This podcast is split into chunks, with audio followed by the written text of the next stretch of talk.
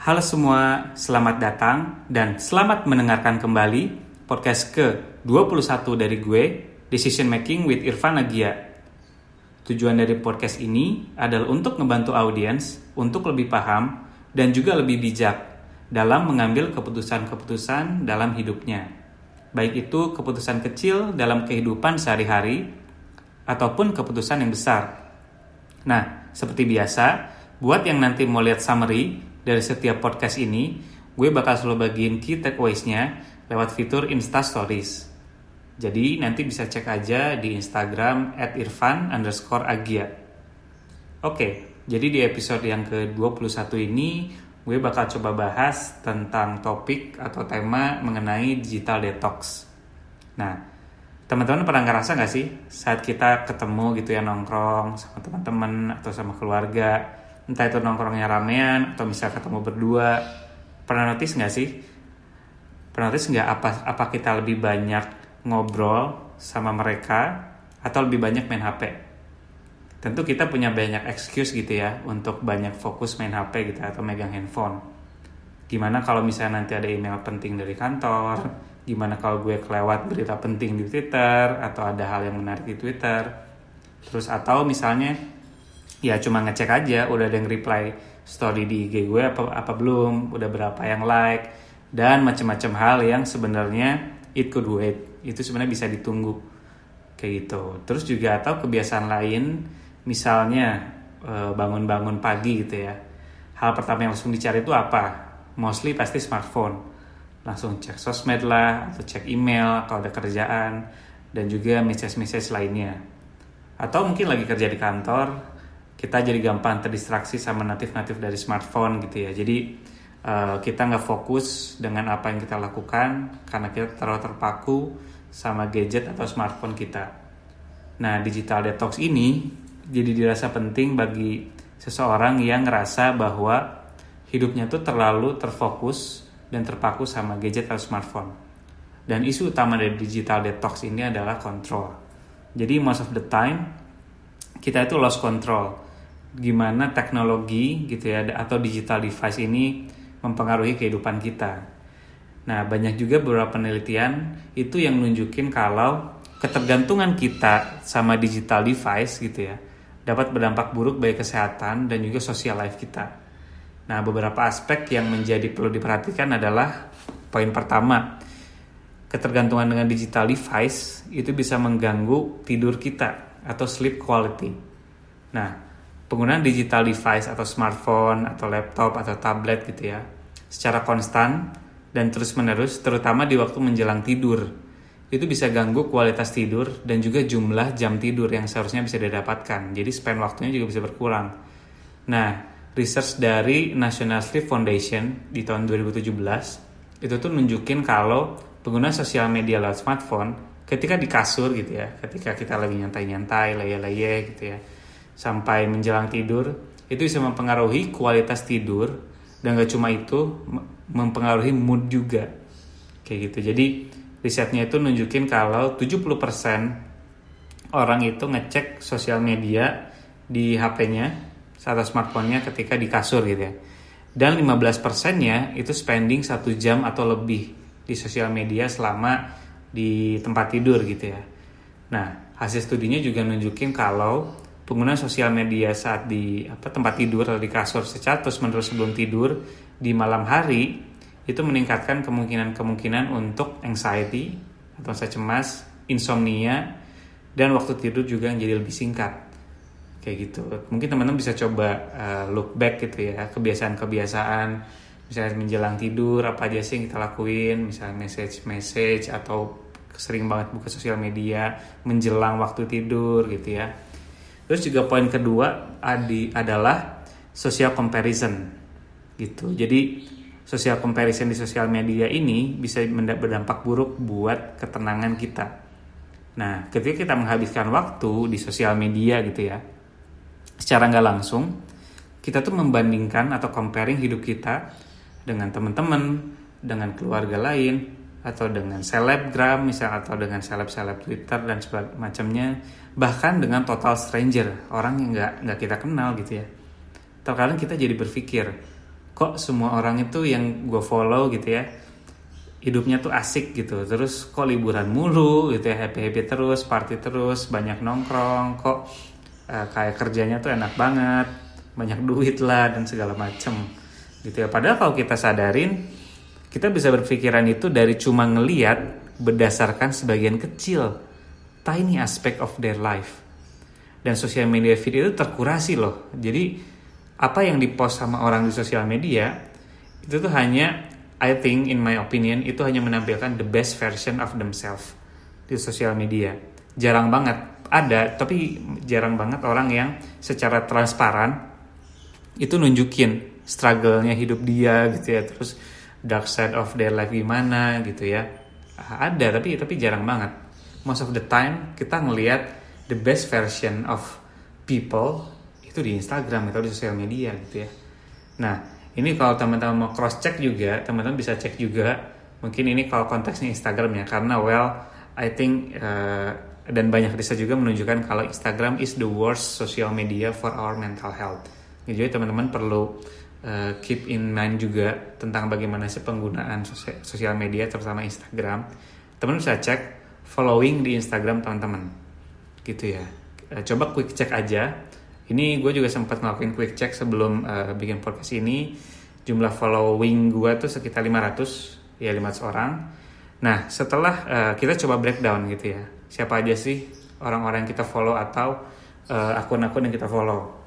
Nah dari 500 orang yang gue follow itu network network gue misalnya temen gitu ya atau keluarga gitu ya atau kolega yang sempat kerja bareng network gue itu 410 dari 500 nah itu sekitar 82% terus sisanya terbagi jadi tiga. Ini gue bagi tiga yang uh, kategorisasinya yang pertama itu popular people. Entah itu misalnya ya tanda kutip influencer lah atau orang terkenal atau model dan segala macam itu 42 jadi popular people yang gue follow di Instagram itu 42 dari 500 Terus yang ketiga itu kategorinya bisnis and community gitu ya. Gue juga banyak ngefollow akun-akun bisnis, brand-brand bisnis dan juga komunitas-komunitas gitu ya. Itu jumlahnya 32. Nah, yang terakhir itu gue follow juga akun-akun tentang news dan insight gitu ya. News kayak misalnya uh, apa CNN lah gitu ya. Itu gue follow dan insight-insight lain. Itu 16 jadi kalau gue bagi nih, bagi dua dua kuad dua kategori besar gitu ya, network sama tempat gue belajar gitu ya atau belajar itu kalau digabung tuh kalau belajar 48 dari 500 gitu ya. Jadi dan itu masih lebih banyak 48 dibandingkan popular people 42 gitu ya. Jadi sebenarnya kalau gue quick check, uh, eh, gue masih ngerasa uh, following gue itu nggak begitu uh, didominasi sama orang-orang yang misalnya populer gitu. Karena banyak juga kalau teman-teman bisa cek orang yang kebanyakan followingnya itu lebih banyak apa Instagram artis lah atau misalnya influencer dan semacamnya yang sebenarnya itu bisa menjadi anchor atau bisa menjadi apa acuan how we how we live how we live our life gitu ya jadi kalau teman-teman juga bisa coba cek aja apakah yang teman-teman follow di Instagram itu lebih banyak uh, yang teman-teman kenal atau lebih banyak yang misalnya uh, seleb-seleb gitu ya segala macam gitu. Nah jadi gue kalau digabung dari 500 following itu network gue tuh jumlahnya 410 itu 80% dan sisanya non network itu 90 atau 18% gitu. Nah jadi teman-teman juga bisa coba uh, lihat coba uh, manage lagi. Seberapa banyak sih following yang teman-teman uh, follow dan bagaimana proporsinya. Kayak gitu. Karena social comparison itu sangat bergantung dengan siapa yang kita follow siapa dan apa yang kita follow. Gitu. Terus poin yang ketiga itu ada fenomena fear of missing out gitu. Nah fear of missing out atau biasa disingkat FOMO ini tuh adalah rasa takut yang muncul ketika seseorang ngerasa ketinggalan dengan momen-momen yang orang lain rasakan gitu ya. Jadi kayak koneksi dengan dunia digital yang terus menerus gitu ya constant connectivity itu dapat, memuncul, dapat memunculkan ketakutan ini gitu. Jadi misalnya setiap kali kita lihat konten orang lain yang menyenangkan gitu ya party oh datang ke konser aduh kok gue juga nggak ngerasa ketinggalan kok orang lain tuh udah jadi pada datang konser ini terus juga kok party ke sini atau liburan ke sini kok gue belum segala macam kok gue nggak diajak lah dan segala macam jadi uh, ini tuh berpotensi membuat kita merasa kehidupan kita tuh less exciting than theirs gitu ya. Dan beberapa hal juga bisa mendorong kita untuk menjadi terlalu committed atau overly committed untuk selalu ikut dalam setiap social event. Karena kita nggak mau ketinggalan jadi kayak misalnya sebenarnya lo tuh mager gitu ya. Sebenarnya lo tuh nggak dan dan lebih worstnya lagi tuh lo tuh nggak punya uang yang memadai lah gitu ya. Kalau jadi lebih boros karena lihat aduh teman-teman liburan sini ikut ah karena nggak tahu ketinggalan. Aduh teman-teman datang ke cafe ini restoran ini dan segala macam you feel that you'll be left behind. Dan ini sebenarnya nggak bagus juga untuk kantong lu gitu. Jadi lu jadi ngerasa karena nggak mau ketinggalan lu committed untuk ikut setiap social life event. Padahal nggak nggak begitu urgent gitu ya nggak begitu priority. Kayak gitu. Dan fear of missing out ini itu juga bisa membuat kita tuh constantly checking our device gitu ya. Jadi karena kita takut ada ada apa message yang kelewat lah yang nggak kebaca DM atau post dan segala macam. Nah, dari berbagai permasalahan tadi gitu ya. Banyak orang yang mulai mencoba mengadopsi untuk melakukan digital detox gitu ya. Nah, apa sih digital detox itu? Dan apakah benar itu tuh efektif untuk bisa membiasakan diri kita jadi lebih in control dan less addicted sama teknologi?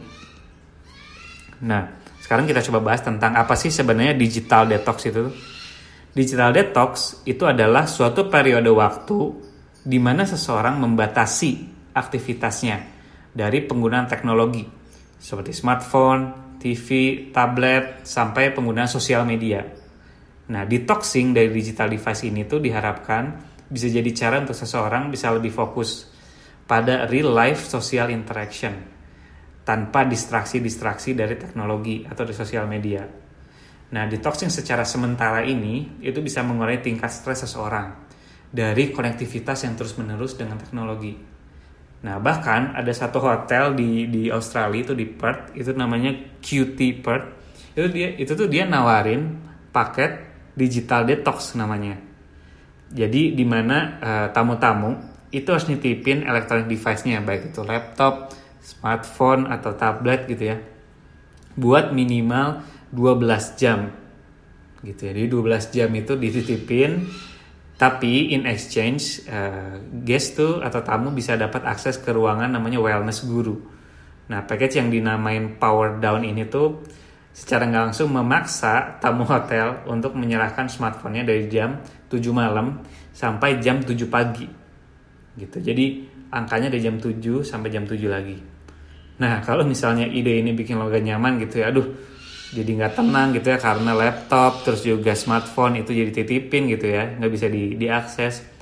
Nah hotel ini nyediain si wellness guru tadi isinya itu e, tamu bisa datang akses untuk spa terus juga dapat wine gitu ya dapat fine dining gitu ya. Terus juga dapat hal-hal yang bisa bikin mereka lebih fokus terhadap uh, mental health atau well-beingnya dia kayak gitu. Nah hari ini juga untuk mencegah tamu-tamu yang jadinya nomofobia. Nah apa sih nomofobia? Nomofobia itu adalah istilah atau terminologi untuk ketakutan fear karena nggak bisa menggunakan mobile phone. Jadi gila ya. Jadi emang udah ada lagi namanya nomofobia. Itu orang-orang yang takut karena nggak bisa pegang HP gitu ya nggak bisa pegang smartphone. Kayak gitu dan sebelum kita atau teman-teman mau mencoba gitu ya atau menentukan ini digital gue perlu nggak ya digital detox gitu ya? Apakah gue harus completely nggak pakai laptop completely nggak pakai smartphone atau completely delete sosial media untuk ngelakuin detox? Ada beberapa hal yang mesti dikonsider dulu. Nah beberapa sumber itu mengatakan kalau kita pengen melakukan digital detox yang benar kita harus totally cut penggunaan smartphone ataupun sosial media platform tapi ini tuh belum tentu bisa dilakuin sama semua orang. Di mana banyak aspek-aspek sosial kita atau gimana kita berkomunikasi dengan orang lain itu memang melalui smartphone gitu. Apalagi di tempat kerja juga kalau tempat kerja gue, gue pakai uh, sosial media untuk kerja tuh pakai Slack gitu ya. Nah jadi memang uh, detaching dari digital device ini baik smartphone atau uh, laptop itu memang bisa bermanfaat tapi nggak harus selalu ekstrim gitu ya benar-benar di cut penggunaannya jadi memang pada intinya sebenarnya proses digital detox itu tuh lebih kepada setting boundaries atau memberikan batasan menetapkan batasan-batasan tertentu nah ada empat jenis digital detox yang bisa dipilih sesuai dengan kondisi dan kebutuhan dari teman-teman yang pertama itu namanya a digital fast. Nah, a digital fast ini itu kita mencoba uh, nggak pakai digital device atau smartphone itu dalam waktu tertentu. Contohnya mau dua hari atau mau tiga hari gitu ya.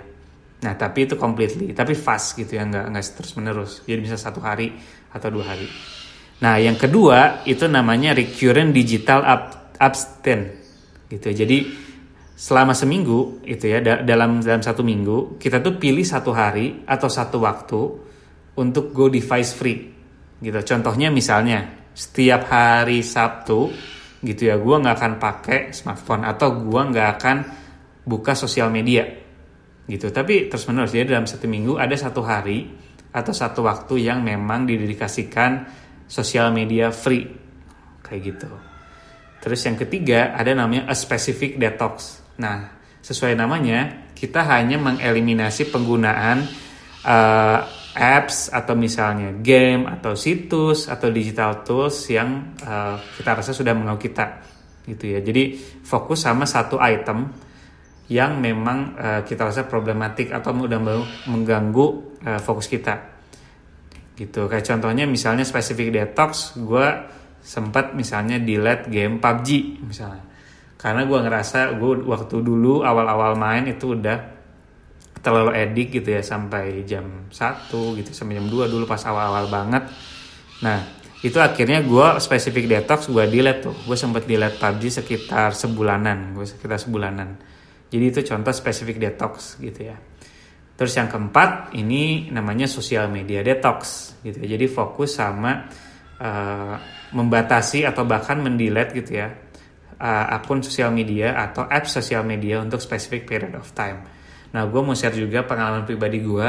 Gue dulu sempat ngelakuin digital detox selama satu bulan. Nah, jenis sosial media detox yang gue pakai waktu itu adalah, gue waktu itu digital detox itu di tahun 2017 akhir, gitu. Jadi uh, selama satu bulan, itu bulan Desember 2017, itu gue uh, sosial media detox, gue gue nggak main Instagram gue nggak main uh, Twitter gue nggak main Facebook. Gitu. Jadi sosial medianya itu gue cuma pakai LinkedIn. Gitu loh. Gue pakai LinkedIn. Karena memang gue juga tetap butuh update dengan news-news atau atau info-info atau artikel-artikel yang menarik. Jadi memang uh, gue masih bisa dapatkan itu di LinkedIn. Gitu. Gue nyoba selama sebulan. Gitu ya. Selama sebulan gitu ya. Nggak pakai Instagram, nggak pakai Twitter, nggak pakai Facebook. Dan uh, dari pengalaman pribadi gue, gue ngerasa lebih bisa fokus sama hal-hal yang selama ini uh, eh, gue rasa uh, eh, gue miss gitu ya. Gue nggak fully aware, gue nggak fully living the real life social interaction gitu ya. Oh btw, gue masih pakai line waktu itu. Kenapa? Karena waktu itu gue announce kalau misalnya kalau ada hubungin apa-apa itu lewat line atau WhatsApp Nah, itu jadi tetap dong gue juga harus tetap masih bisa dihubungi gitu ya untuk uh, kalau ada urgent atau misalnya mau ketemu atau apa. Jadi nggak mungkin juga gue completely nggak pakai line atau WhatsApp gitu ya. How I can communicate with others gitu itu bener-bener itu jadi antisosial malah gitu. Jadi gue pakai spesifik itu sosial media itu Instagram, Twitter dan Facebook. After a month gue lebih ngerasa refresh, gue lebih ngerasa uh, selama sebulan itu gue bisa lebih fokus oh this is what I miss gitu ya dan gue ngerasa juga uh, ketika bisa ngobrol gitu ya sama temen-temen gitu ya ketemu terus sama acara keluarga gitu ya gue bisa lebih fokus. Gue bisa nggak dikit-dikit tuh ngebuka HP gitu ya karena ngebuka Instagram dan segala macam. Jadi it's a good it's a good way to refresh and to remind that actually you are in charge gitu. Sebenarnya uh, lu sebenarnya kita lah in charge terhadap apa yang akan kita lakukan gitu ya apa decision making kita kayak gitu. Jadi uh, gue sangat suggest sih nyoba mungkin at some point of your life sosial media detox gitu ya sebulan lah minimal. Biar biar kerasa gitu. Kalau cuma seminggu dua minggu nggak akan terlalu kerasa sih. Kalau minimal sebulan itu kerasa gitu. Nah terus uh, apa? Ketika kita melakukan digital detox itu kita juga tetap harus be realistic. Kita realistis sama timeline kita sama apa yang kita batasin gitu ya. Dan uh, kita juga nggak boleh sampai completely disconnected gitu ya sama social life kita gitu ya. Makanya waktu itu gue pun masih tetap pakai WhatsApp dan Line dan email dan kalau kantor Slack gitu ya. Kayak gitu. Tuh, jadi be realistic terus juga sampai kapannya juga uh, teman-teman juga perlu setting uh, timelinenya sesuai dengan kebutuhan teman-teman. Kayak gitu jadi juga detox pun bisa dibuat dengan setting limit gitu ya. Contohnya misalnya tentang spesifik detox uh, misalnya untuk Spotify misalnya. Nah Spotify itu tuh uh, biasa kalau misalnya teman-teman suka workout gitu ya. Nah kadang kalau workout itu untuk menghindari distracted gitu ya sama sama email sosial media itu teman-teman bisa contoh tipsnya pakai airplane mode gitu ya. Jadi selama workout itu airplane mode aja. Jadi nggak ada interupsi dari uh, sosial media lain kecuali si Spotify misalnya untuk dengar lagu gitu ya. Karena kan Spotify kan bisa di download offline ya lagunya. Jadi itu contoh uh, mini detox, mini spesifik detox untuk beberapa occasion tertentu ketika workout itu pakai airplane mode misalnya. Jadi cuma pakai lagu doang. Itu kan contoh kecil juga detox juga sebenarnya. Kayak gitu. Terus juga uh, ini yang bisa dibuat jadi habit juga sih sebenarnya. Jadi ketika kita bisa ngelimit penggunaan gadget kita ketika contoh satu misalnya ketika kita acara keluarga acara keluarga terutama waktu makan makan siang makan malam gitu ya itu put the the phone gitu ya on the table misalnya gitu itu bisa uh, eh, gue pun belum belum sepenuhnya bisa melakukan hal itu tapi gue pun masih belajar dan memang waktu gue di Belanda dulu kuliah tuh memang gue ngerasa kalau gue bertamu gitu ya atau datang ke rumah keluarga lain di di Belanda itu tuh ketika makan gitu ya ketika makan makan di meja itu literally memang yang dibahas tuh bener-bener ngobrol gitu ya kadang dan uh, jarang banget yang benar-benar buka HP gitu ya di meja makan atau lagi pada apa bikin circle gitu ya pada kursi. Mereka benar-benar fokus sama uh, social interaction ya gitu. Dan di situ gue juga gue juga banyak belajar kalau oke okay, uh, eh, ada setiap setiap momen tuh ada uh, setiap device tuh ada waktunya gitu. Ketika waktunya buat lagi sendiri main HP boleh. Tapi ketika waktunya lagi ketemu sama keluarga lagi dining itu juga put the phone on the table. Itu adalah manner dan juga habit yang bisa kita coba lakukan juga ya. Dikit-dikit kita biasakan terus juga meminimalisir waktu sebelum tidur gitu ya. Uh, ada beberapa waktu itu langsung di, di close smartphone-nya gitu ya. Jadi uh, kasih jarak misalnya setengah jam atau 20 menit sebelum tidur tuh nggak nggak buka HP gitu ya. Terus juga nggak nggak pakai smartphone ketika lagi ngerjain project atau ngerjain hobi gitu. Nah untuk uh, ini juga ada tips juga. Gue pakai apps namanya Forest teman-teman boleh download juga app-app namanya Forest. Jadi si app Forest ini dia tuh uh, metodenya itu membuat kita tuh untuk fokus. Jadi misalnya kita setting waktu kita mau fokus berapa menit? Contoh kita setting waktu 10 sampai 15 menit. Nah selama 10 sampai 15 menit itu teman-teman gak boleh keluar dari appsnya si Forest ini.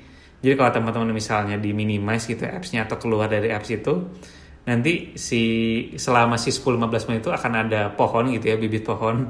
Jadi bibit pohonnya lama-lama tumbuh. Nah kalau teman-teman itu cabut gitu ya cabut dari appsnya kita terdistrak uh, untuk ngebuka sos, sos medi, sosial media atau app, app lain nanti si apa tanaman itu tuh bakal mati gitu ya. Terus juga poin kita dikurangin gitu. Jadi itu apps yang menarik untuk uh, melatih kita dikit-dikit untuk fokus.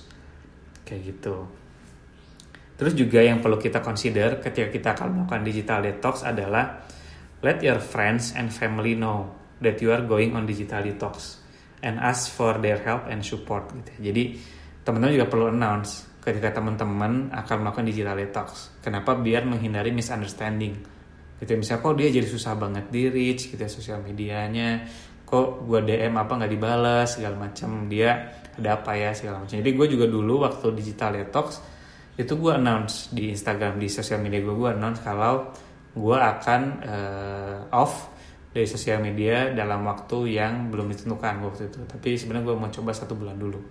Kayak gitu. jadi seenggaknya kita tuh announce dan kita publicly publicly committed gitu ya. Jadi untuk biar kita jadi lebih lebih konsisten juga. Wah masa gue udah gue udah bilang gitu ya ke koar-koar gitu gue bakal sosial media detox. Tapi ujungnya kalau gue buka sosial media lagi kan malu juga gitu. Jadi itu efektif banget sih.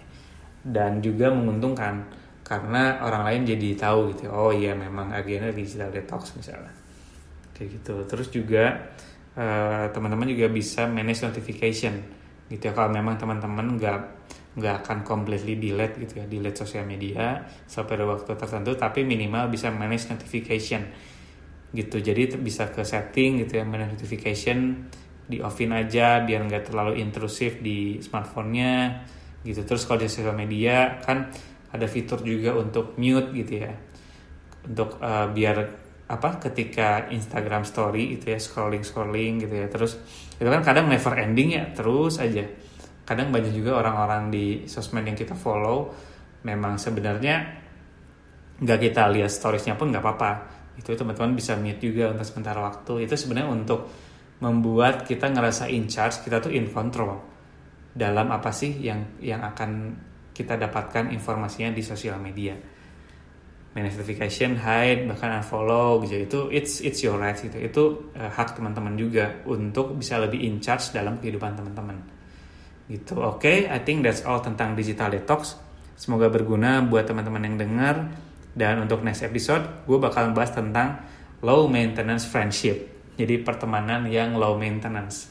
Ini menarik gitu ya, karena semakin uh, bertambahnya usia gitu ya kita tuh semakin jarang ketemu teman tapi apakah semakin jarang kita ketemu semakin jarang kita connect semakin jarang kita ngobrol apakah itu akan menurunkan kualitas dari pertemanan atau bahkan membuat kita dianggap sombong dan segala macam kita akan coba bahas next episode.